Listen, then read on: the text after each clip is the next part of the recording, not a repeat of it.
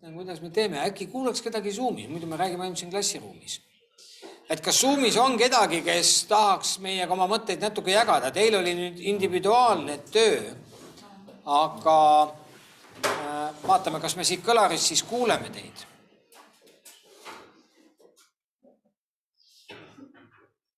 nii, ma praegult annan võimaluse, et kas keegi on vabatahtlik.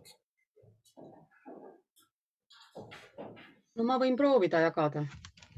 nii, ja sina oled siis, kes meil seal? Rutt, Rutt olen. Rutt, nii, proovime siis sind kuulata ja siis tõlge peaks tulema ka siia meile, jah? vaatame, kuidas see õnnestub.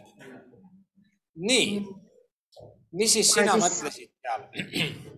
no ma ei osanud väga palju mõelda, aga nii palju, kui minu pea äh, mõtles sellest, on, mõtlesin oma koguduse peale, kuna mina elangi just maakohas, siis äh, meie välised tegurid on kindlasti see, et on, on väga väike, väga väike koht.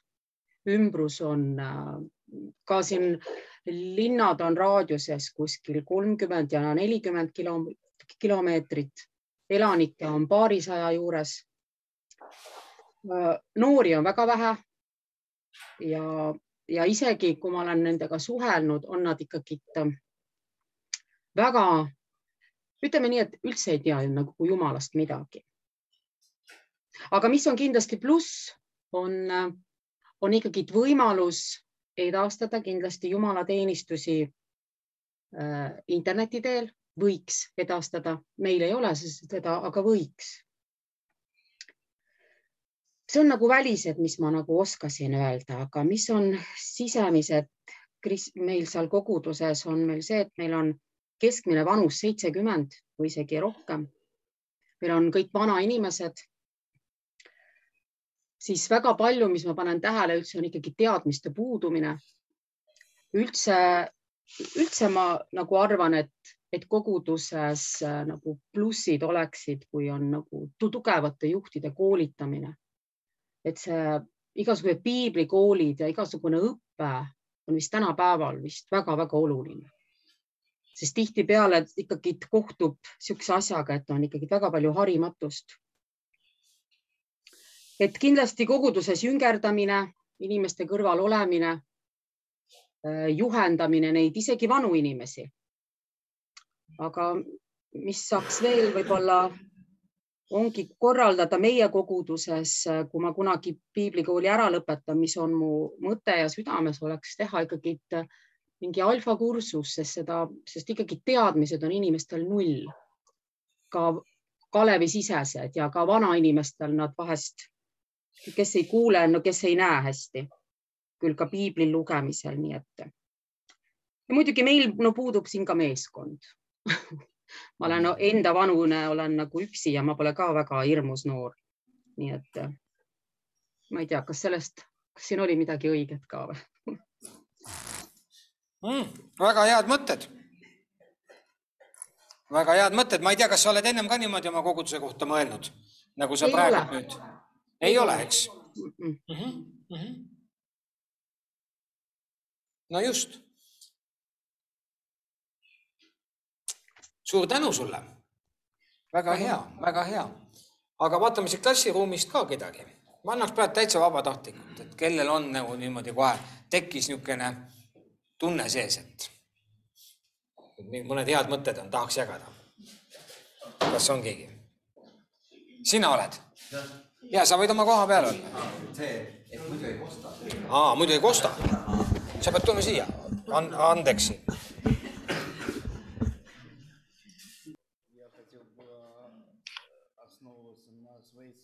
ma tahaksin äh, toetuda oma kiriku peale, oma kogudusele ja näiteks tuua välisteguritest.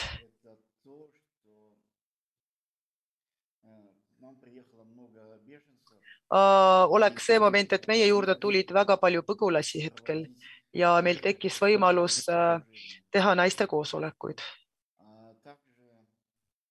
samuti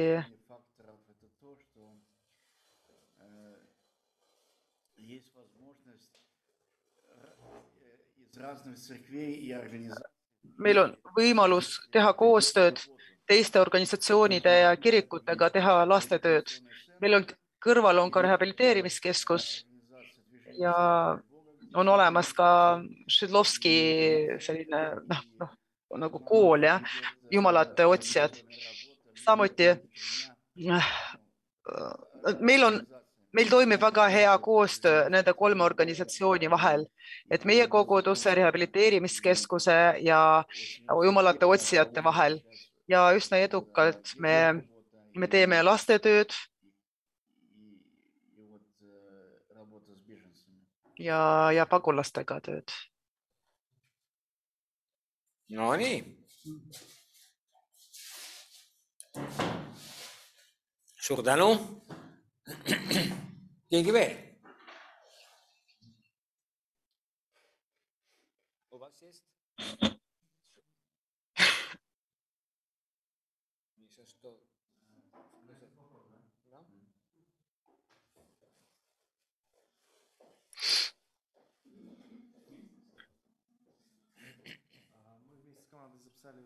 me oma tiimiga panime kirja väga palju faktoreid ja ma mainin ainult kahte minu, minu jaoks kõige olulisemat fakti, kõige kaalukamat fakti.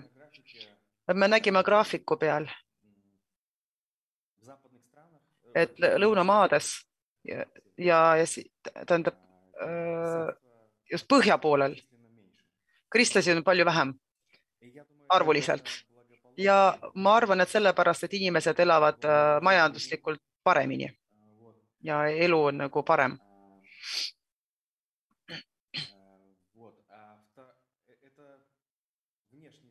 see on nagu väline faktor, mis, mis mõjutab selle peale, et inimesed lähevad kogudusest ära.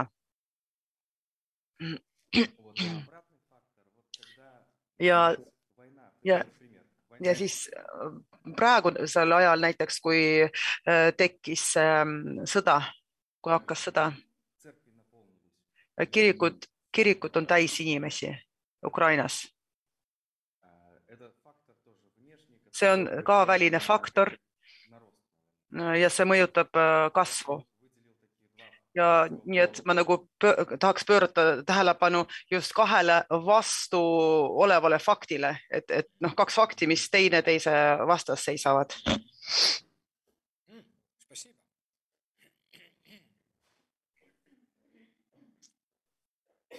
nii, veel? Хорошо, еще? Да,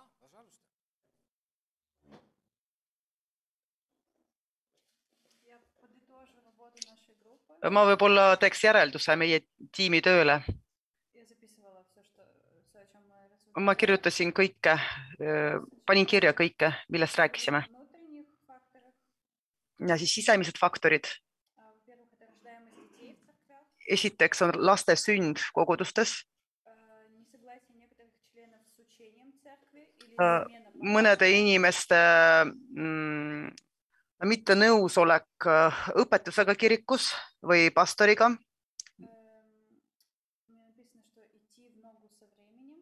siin mul on kirjas ka, et äh, minna koos maailmaga. Äh,. et ma mõtlen nagu, et, et, et kirik oleks kaasaegsem, et selles mõttes just, et, et, et kasutaks tänapäeva võimalusi. Samuti kirikus on äh, generatsioonide lõhe, et kui on lapsed ja täitsa täiskasvanud. noored siis ei jää koguduses püsima. samuti mõjutab äh, elav äh, jutlus, mitte lihtsalt kuiv õpetus. samuti kirikute ühtsus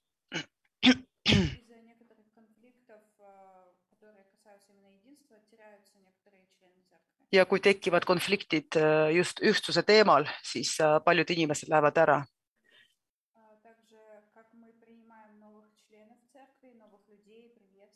samuti see, kuidas me äh, tervitame uusi inimesi, kes tulevad kogudusse. kodused grupid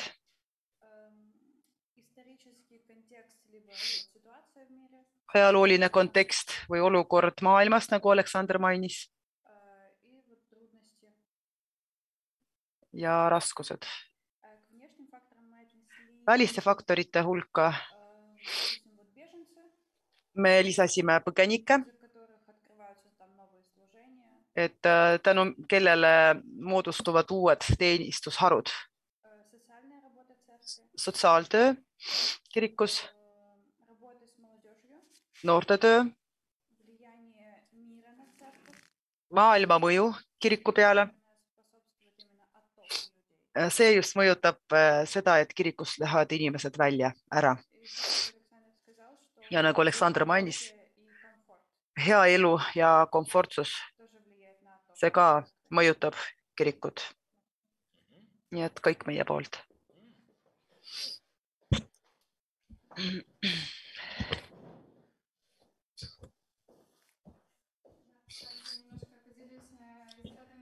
ma tahaks jagada natuke meie tulemusi meil on väga palju ühist, aga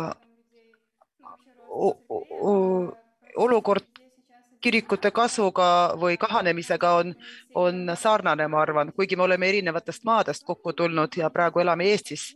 me võime näha siin ka seda olukorda, et igal pool inimesed lähevad kirikust ära või siis ei taha tulla kirikusse ja üks põhjustest on kinnisus kirikutes et kirik ei oska olla paindlik, ei oska mm, olla kaas, ka tänapäevane ja kirikus nagu elab oma suletud komfortses maailmas, mugavas maailmas.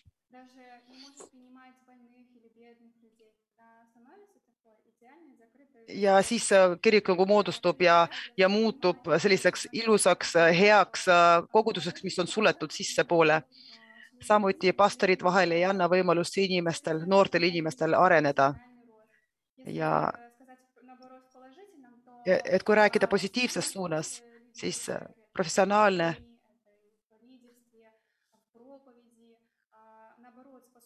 äh, äh, et siis, kui teises pool, teisel poolel, kui kirik kaasa haarab noori ja kõiki teisi, siis kirik saab kasvada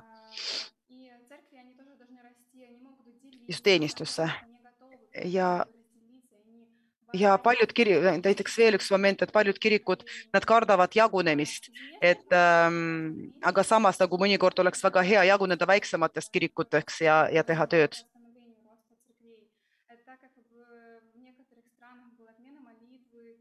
ja, ja näiteks koroona ah,, ei, mitte koroona et näiteks veel äh, ajalooline kontekst, et väga paljudes äh, maades olid ajalooõpikud ümber kirjutatud, pärast palved olid maha jäetud.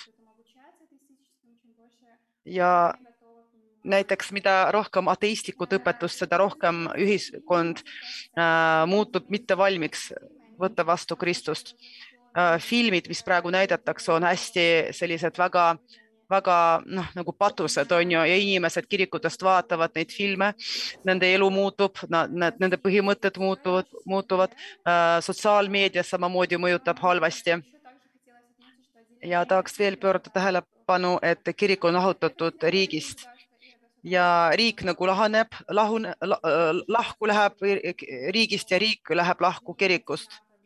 ja siis äh, tekib selline äh, müür nende vahel.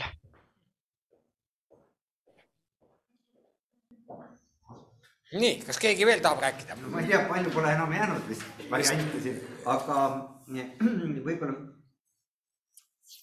vist kostab, eks? ma arvan, et mikrofon on siit. ja tõlge hakkas siin küll pihta vene keeles ah,. hakkas juba peale, selge, et eh, palju pole jäänud, aga, aga mingid, millele me ka vaatasime nagu võib-olla, mis pole nii palju läbi kostnud, on ka see, et seesama oskus nagu rääkides sisemisest oskus siis leida koguduse liikmetele, millised on need püha vaimu annid, mis neil on ja neid siis rakendada rohkem nagu koguduse töösse. ja, ja see kostis ka eelnevalt läbi, et see delegeerimine, et mitte nii, et üks on juht ja, ja, ja töötab ribadeks. et, et see delegeerimine võib-olla on sellised a la vanematekogud, kes kes aitavad siis pastorit, aga samas on ka see tähtis sisemiselt, et ka pastoril endal on väga selge visioon, kuhu poole nagu liikuda, sellepärast et, et ähm, ja, ja noh, ütleme selline jah, just see aktiivi, aktiivi kaasamine ja, ja ka selline vaimulik kasv, vaimulik küpsus. Mm, ja võib-olla ka üks selline asi, mis äh, selle, ütleme, äh, selle konkreetse koguduse nagu äh, identiteet, et mis on siis see, mis eristab teda siis teistest kogudustest, et, et noh, et me siin rääkisime ka sellest, et sageli kasv toimub ju selle arvelt, et minnakse, võib-olla on see nii-öelda elukohast tingituna minek teise kohta, aga kui on samas piirkonnas, et kui inimesed liiguvad ühe või teise koguduse vahel, oleks tähtis ka see, et kogudusel on, on mingi asi, mille pärast ta nüüd inimestel on arusaadav, et vot see kogudus, noh, seal on need punktid, mis käivad selle kogudusega kaasas ja see, see, see osa ja kindlasti on ka see, et koguduse ruumid on päris tähtis asi et kas koguduse saal on külm või on soe talvisel ajal ja, ja, ja et need on ka sellised, teinekord võiks arvata väga noh, teisejärgulised, aga tegelikult on ta päris tähtis inimesele. et kas ta tunneb ennast mugavalt näiteks talvisel ajal, kui sa siin kirikus oled. Et ja, ja välimistest ka enamus on tõenäoliselt siin ära mainitud, aga ka see, mida me mõtlesime, just see ühelt poolt see asukoht, aga ka see, et et milline on selle kiriku koht selles kohalikus nii-öelda kogukonnas, et kuidas kogukond, kuidas ta saab kogukonnale teha ennast vajalikuks ja kuidas ta saab siis kogukonna vajadusi nagu täita. et, et ja ka see noh, halb sõna võib-olla, aga prestiiž kogukonnas, et kuidas hinnatakse siis kirikut nagu selles kogukonnas, et see, see sõltub igast, igast töötegijast tegelikult ja koguduse juhist ja kõigist jah, et, et millise, millise kuvandi meie kui kristlased üldse jätame endast, see ju tekitab ka kas usaldus või, või vastupidi nagu negatiivset osa.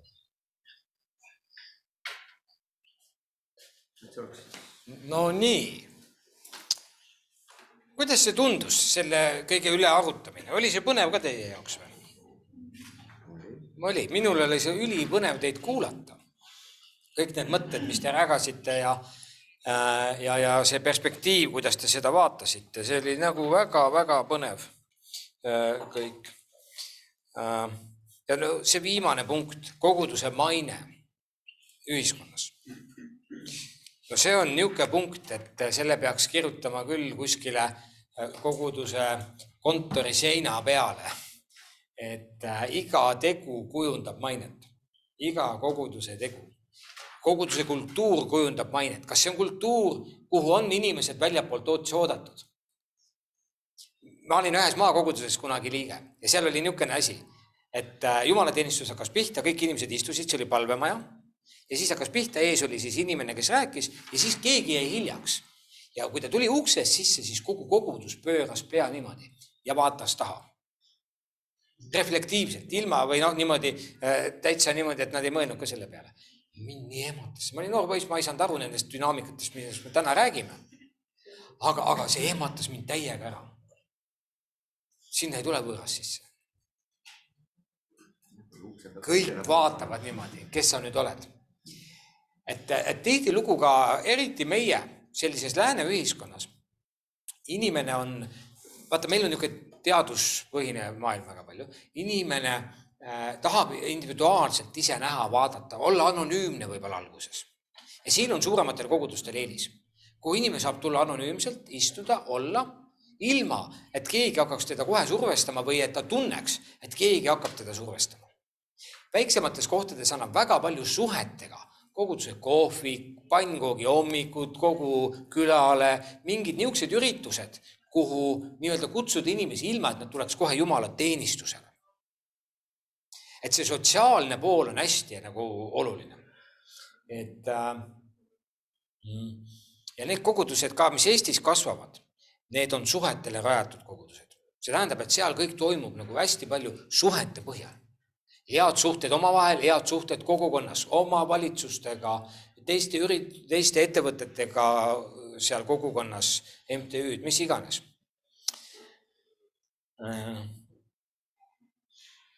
sest et tavainimesele jääb evangeelium arusaamatuks, kui ta ei näe seda tegudes. aga kui nad näevad, et me tegelikult hoolime nendest, kui nad näevad, et me tegelikult armastame neid. Ja võib-olla isegi siin on hästi oluline, et, et kui meil on kohe see agenda, et me sõidame kohe piibliga või evangeeliumiga sisse inimesed, me kujundame sellise kultuuri, siis inimesed teavad, see on see koht, kus kohe hakatakse sind pöörama. ja kui see on uskmatute inimeste hulgas nagu selline kuvand, et sinust on selline kuvand, et sa tahad kohe pöörata. usu mind, su evangelismi mõju on suhteliselt nullilähedane. Sa pead siis Aafrikasse sõitma, seal võid evangeliseerida, sest sind keegi ei tunne, aga seal, kus sind tuntakse ja teatakse, et sa oled selline pööraja. ja sa elad seal nagu pikaajaliselt. miks ma räägin, ma olen kaplan kaitseväes ma olen näinud kaplaneid, kes võtavad kätte ja hakkavad evangeliseerima. Nad kestavad mõne aasta ja siis on nende teenistus läbi. lihtsalt neid ei võeta tõsiselt, nad on pöörajad.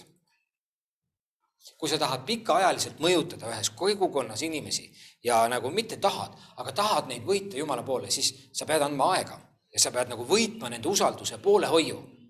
ja siis on niimoodi, et, et ühel hetkel mul ülem keset meie osakonna koosolekut küsib ma ütlen, et aa, et nelipühi tuleb ja nii. ta ütles, kuule oota, mis see nelipühi tähendab, kõigi ees. ja siis ma saan hakata talle rääkima. aga kui mina lähen esimesena oma jutuga peale, et mul on teile siin midagi nüüd öelda ja te peaksite kindlasti selle kohe nagu vastu võtma, alla neelama, siis oleks tegelikult lõpp. see oleks lõpp. ja selles suhtes äh, Eesti lääne kultuuris äh, inimesed on, äh, on tundlikud selles osas, kui me nagu tahame kohe esimesena nendele nii-öelda evangeeliumit kuulutada. mõne, ma ei ütle, et see ei õnnestu, aga ma ütlen, et selle, kui sa vaatad tagajärgi, mis on selle tulemus, siis need tagajärjed ei ole kõige paremad. Nii äh,, lähme nüüd edasi äh,. oota, lepime nüüd kokku, kuidas meil on lõunapaus? kas kolmveerand põhimõtteliselt peaks algama lõuna või? ei. nii no,, aidake. nii, aidake mind nüüd, kolmveerand tuleb paus siis ja siis. täistunnil hakkab uuesti tund. siis hakkab täistund. ja siis hakkab lõuna kaksteist nelikümmend viis.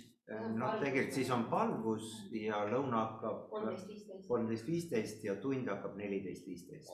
on vist nii, eks? jah, tund hakkab kolmteist viisteist. ja see on, ega see niisama lihtne ei ole. minu lõuna tavaliselt hakkab pool kaksteist juba. ma mõtlesin, ma saan kohe lõunale paistab, et ma ei saa nüüd üldse šokolaadi pakkuda. aitäh, kõik on hästi. küpsisid ja šokolaadi. ja kõik on hästi, kõik on hästi. nii, siis me läheme veel kümme minutit ja siis teeme väikse pausi, jah. nii. natukene Eestist ka. Eestist ka äh,. Äh,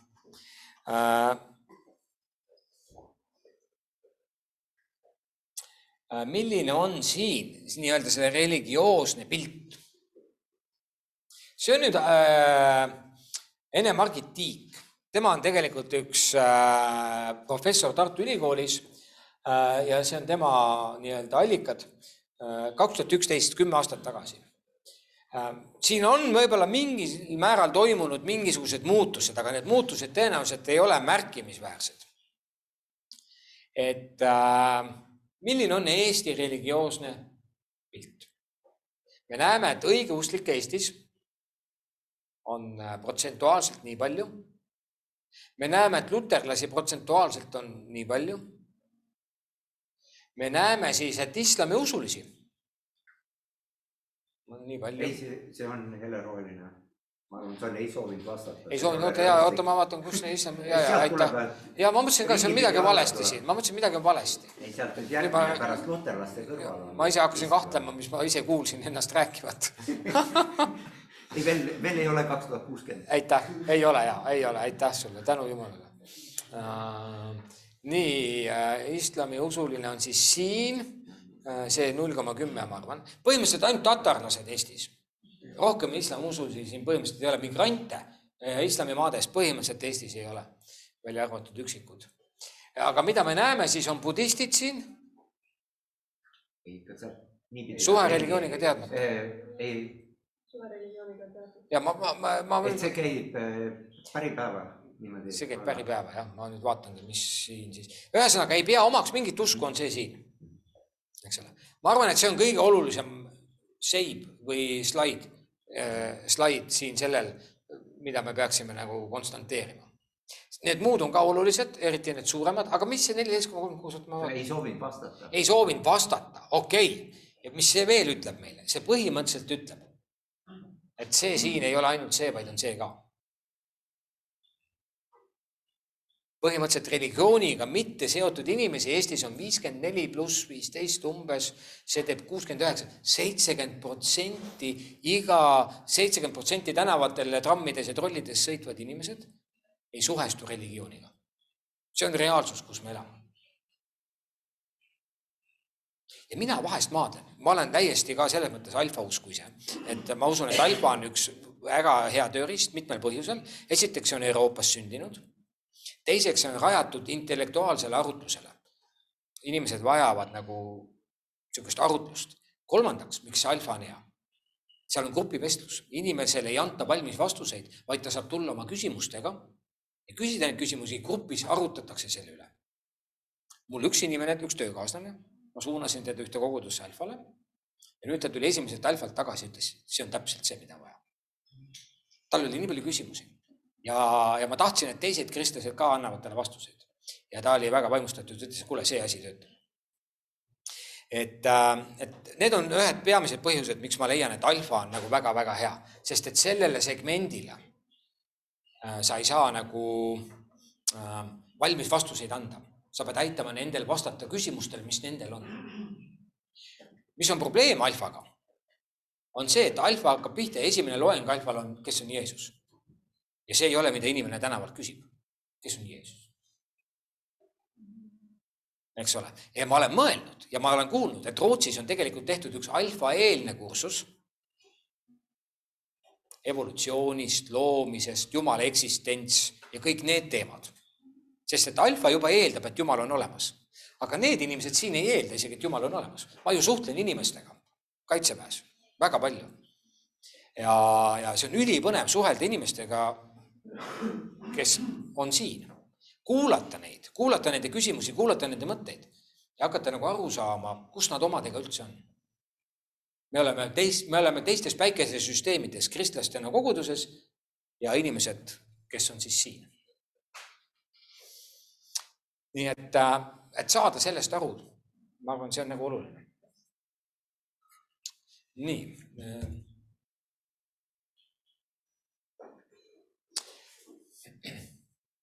mida me siit siis näeme ka veel, me näeme, et äh, luterlased on äh, nagu selles mõttes nagu enamuses, aga ma vaatan, mida see tabel üldse näitab. miks ma selle tabeli siia üldse olen pannud?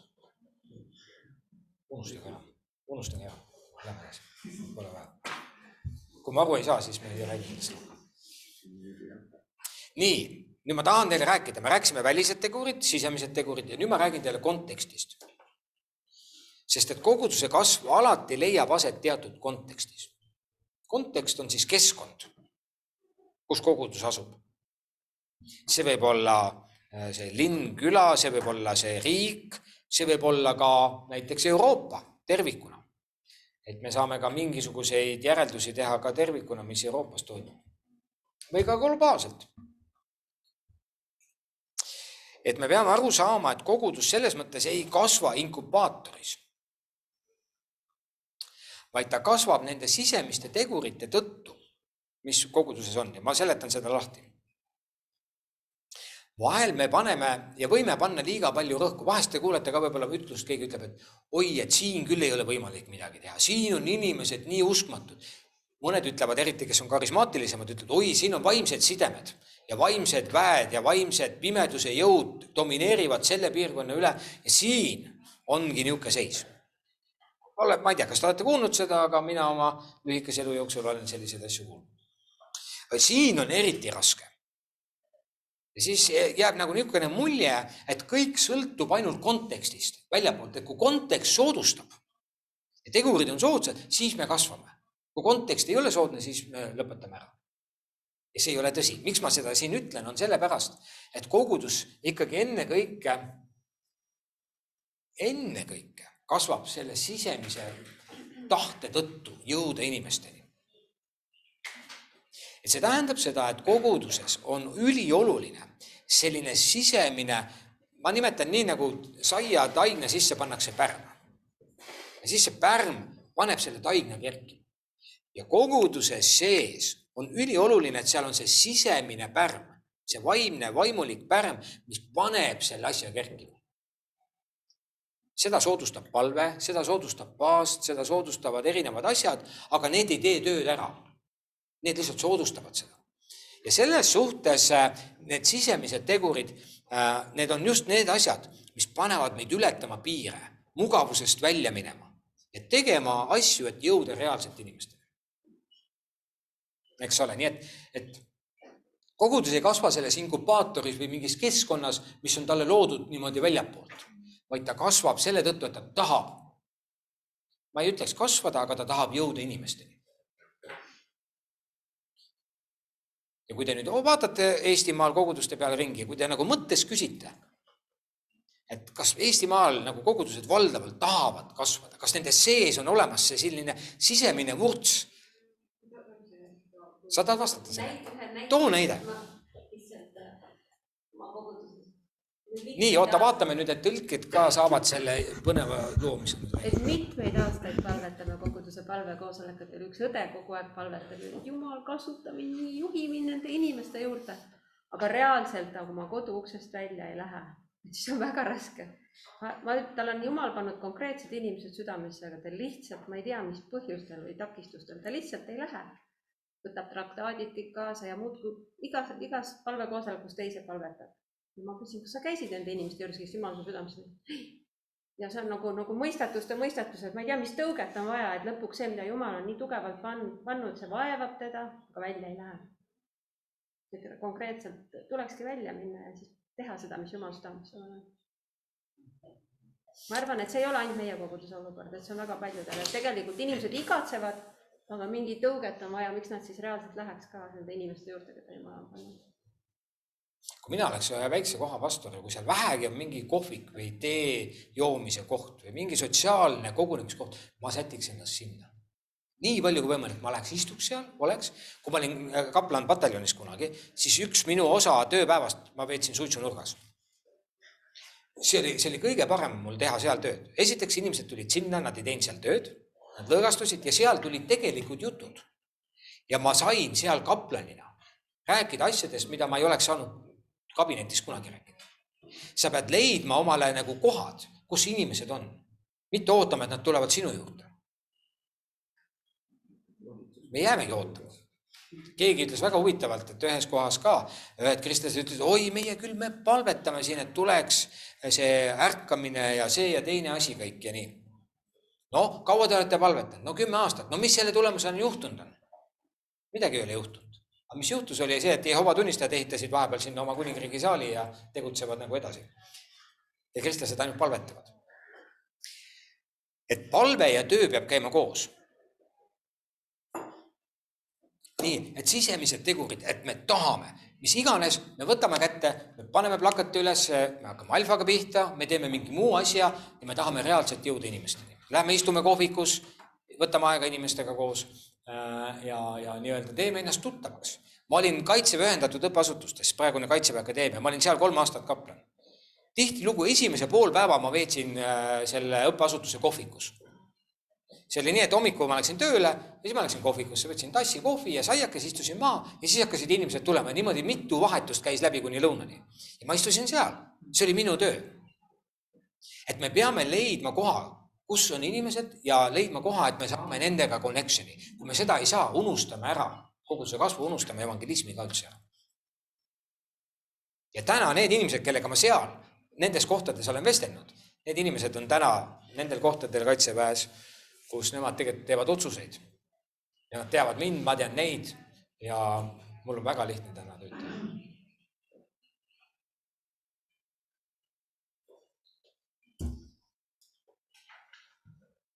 nii et kontekstiga tuleb arvestada. lihtsalt nii lihtne lause, nagu see siin on. kui me see, kui me ei arvesta kontekstiga, me ei loe konteksti, me ei loe seda õhkkonda, keskkonda, kus me oleme. me paneme märgist mööda. ja siis tundubki inimestele, et me ajame mingit oma asja siin. me peame sulanduma sinna ühiskonda sisse.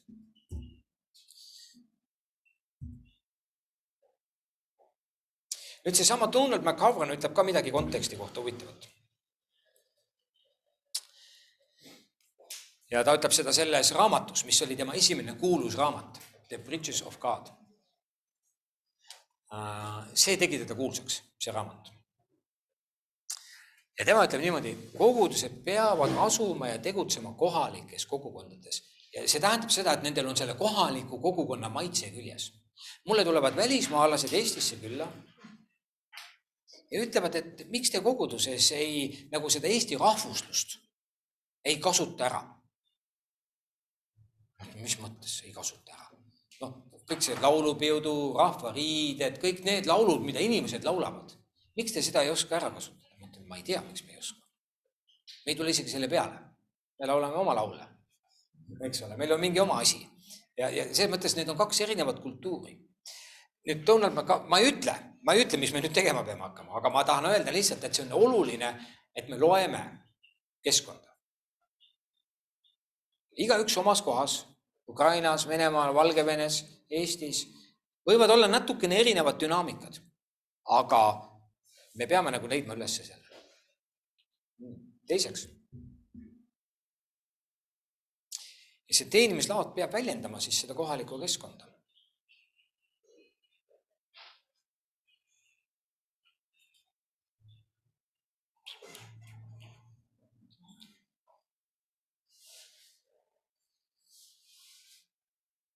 Kui ma olin pastor, mina tegin seda alati. kui olid niisugused rahvuslikud tähtpäevad või ütleme asjad, mida nagu ühiskonnas tähistatakse, ma alati tegin selle koguduses ka, kui oli Eesti Vabariigi sünnipäev, me laulsime hümni, punkt sest et me elame selles maa, me elame sellel maal, see on see koht, kus me oleme siin. emadepäeval, ema süda. ma tegin nii palju, kui see minust olenes, vahest oli raske, küll lauljatele ei meeldinud see ja. Vaata, me oleme nelipüülased, kes on nelipüülased, et siis meil on mingi oma teema nende asjadega seoses, see pole nii lihtne. eks ole, ema süda. lihtne asi, kõik laulavad seda igal pool, vastuvõttudel, emadepäeval ja meie koguduses laulame, elame mingis oma kultuuris. ja kui me nüüd tahame inimesi võita kui me tahame inimesi näiteks emadepäeval, et inimesed toovad oma emad, pered tulevad kirikusse, eh, siis me peame nagu looma keskkonda, mis nendele on turvaline, mugav. lihtne. Minu meelest on see ülilihtne, aga see ei ole tegelikult lihtne